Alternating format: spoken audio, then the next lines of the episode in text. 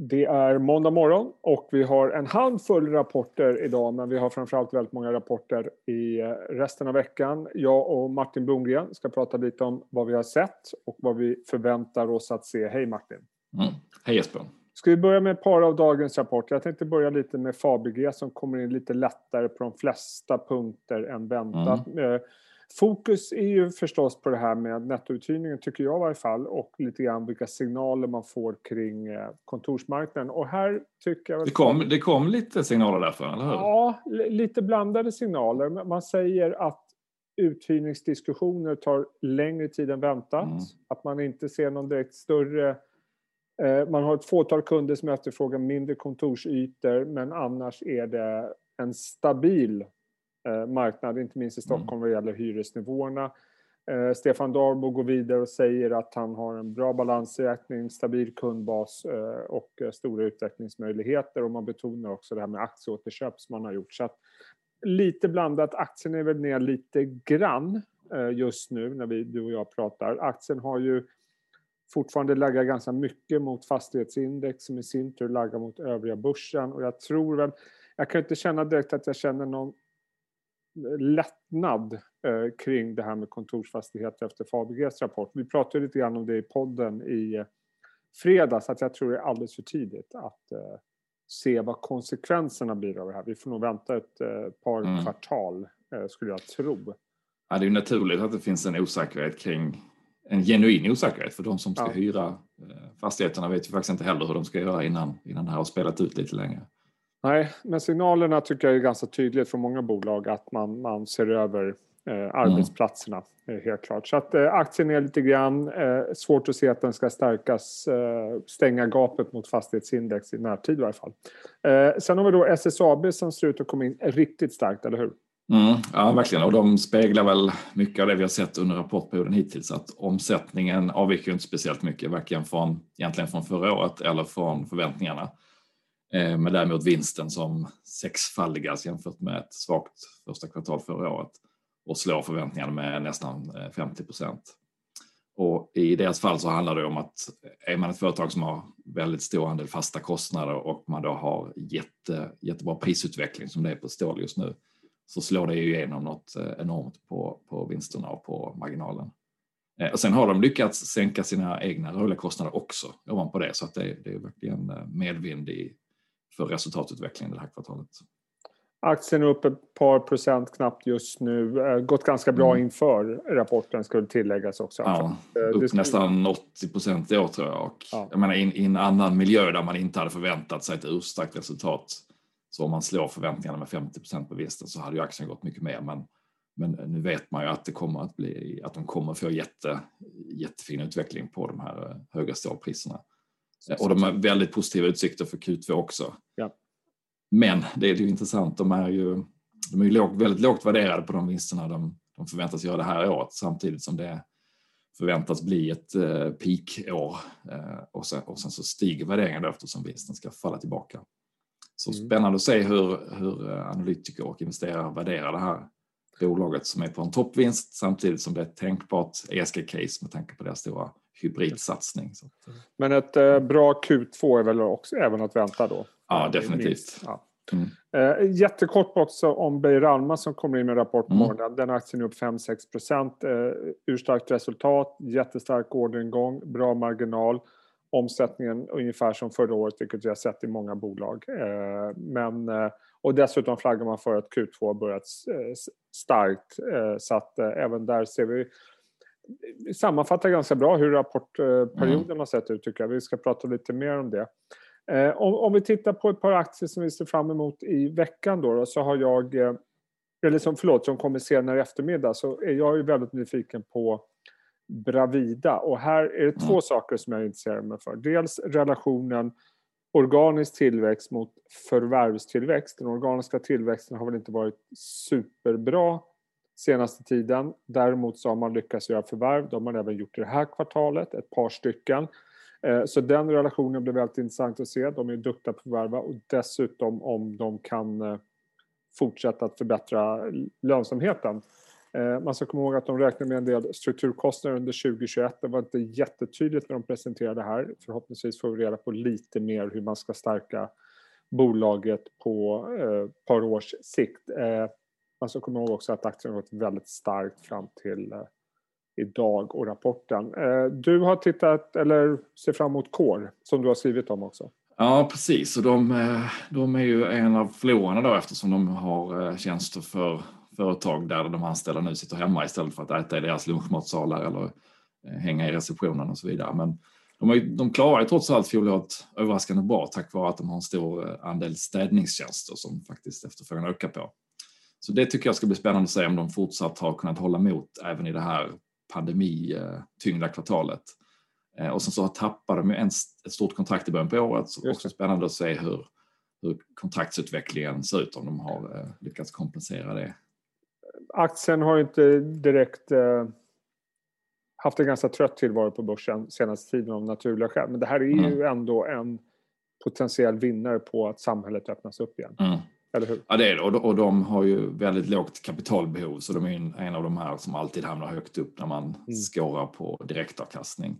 Eh, så, så en bra direktavkastningsaktie. Sen har den faktiskt vaknat till den sista tiden ja. och gått hyfsat bra sista en, två månaderna. Så att de är inte lika uppenbart billiga längre som de var tidigare. Nej, det kanske är så att marknaden börjar titta på de här äh, öppna upp-vinnarna. Mm. Och, eh, om vi tittar på resten av veckan så vill jag lyfta fram två aktier som jag är lite extra nyfiken på. Dels finns, det, det, finns lite att välja på den här veckan. Det finns en hel del att välja på, men jag försökte ändå hitta två. Då valde jag två förlorare faktiskt, mm. som alltid har gått upp. Det ena är Scandic Hotels. Mm. Här har vi ju en tvättäkta coronaförlorare givetvis. Q1 kommer det också bli väldigt, väldigt svagt.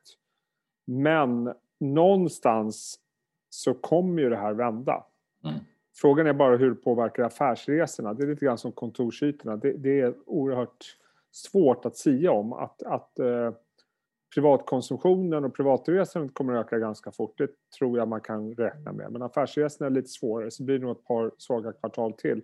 Mm. Eh, för det vet jag att marknaden är orolig för. Men man vill ändå se lite grann på vad de säger om utsikterna. Jag tror att det har funnits en oro för deras uh, skuldsättning. De har gjort en del refinansiering vet mm. jag. Så att, uh, ja, men det, det, blir kul eller intressant att följa de här alltså, öppna upp-vinnarna om de vågar säga någonting om framtiden. För att uh, någon gång kommer det. Sen är det bara hur lång tid det dröjer. Och, och, i deras fall så är det säkert så att så fort myndigheterna ändrar det minsta på restriktionerna, släpper på dem, så kommer ja. orderingången att bara explodera.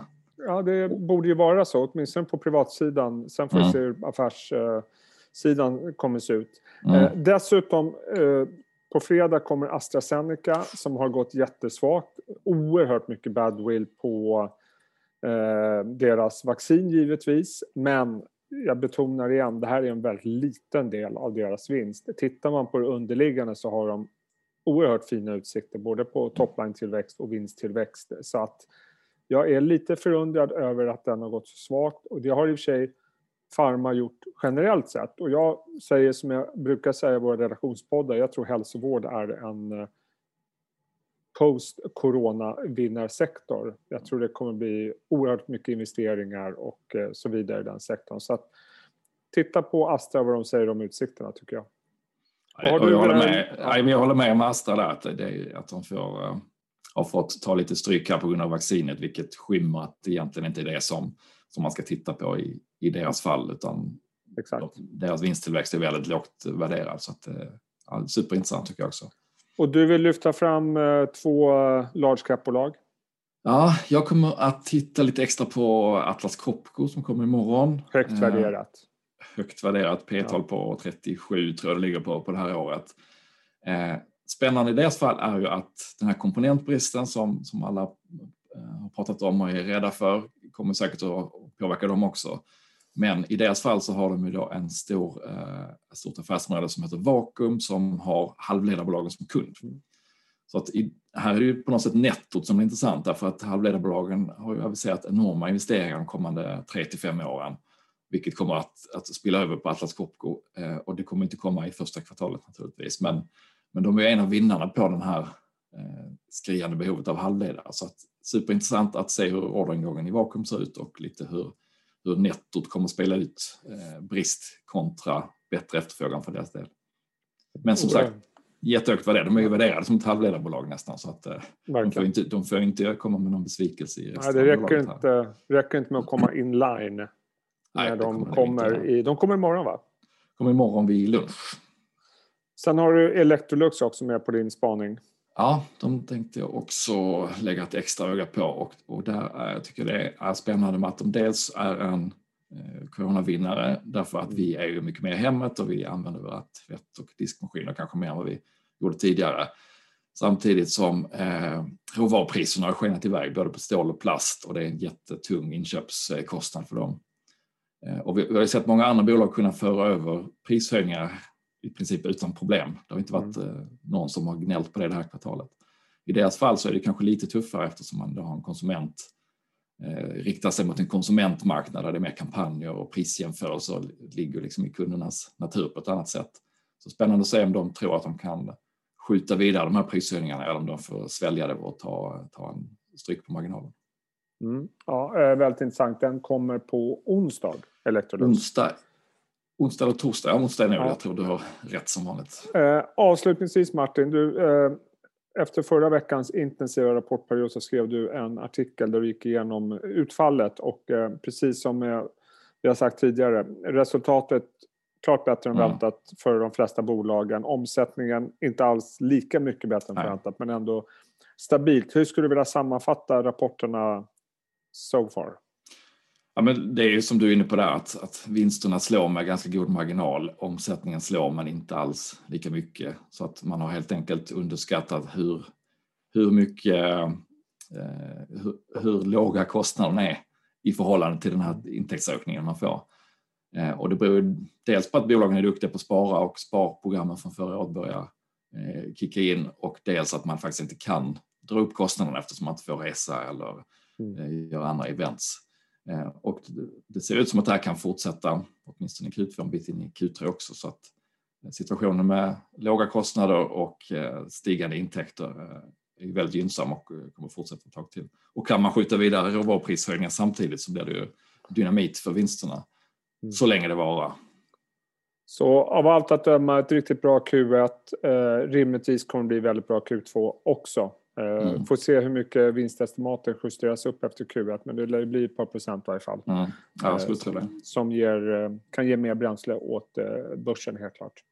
Och samma bild kan vi bara flika in i USA i bilden samma fast ännu tydligare att det är ännu fler som slår vinsterna. Jag tror det var 80, över 80 procent hittills som har slått mm. vinstprognosen. Vilket är en stark siffra historiskt om jag ja, inte helt ja, ute Precis, det brukar vara fler som slår än missar men det här, var, det här är ännu mer vanligt.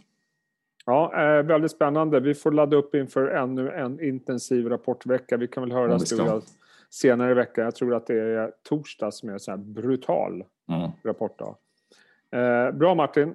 Vi säger så tills vidare. Det gör vi. Så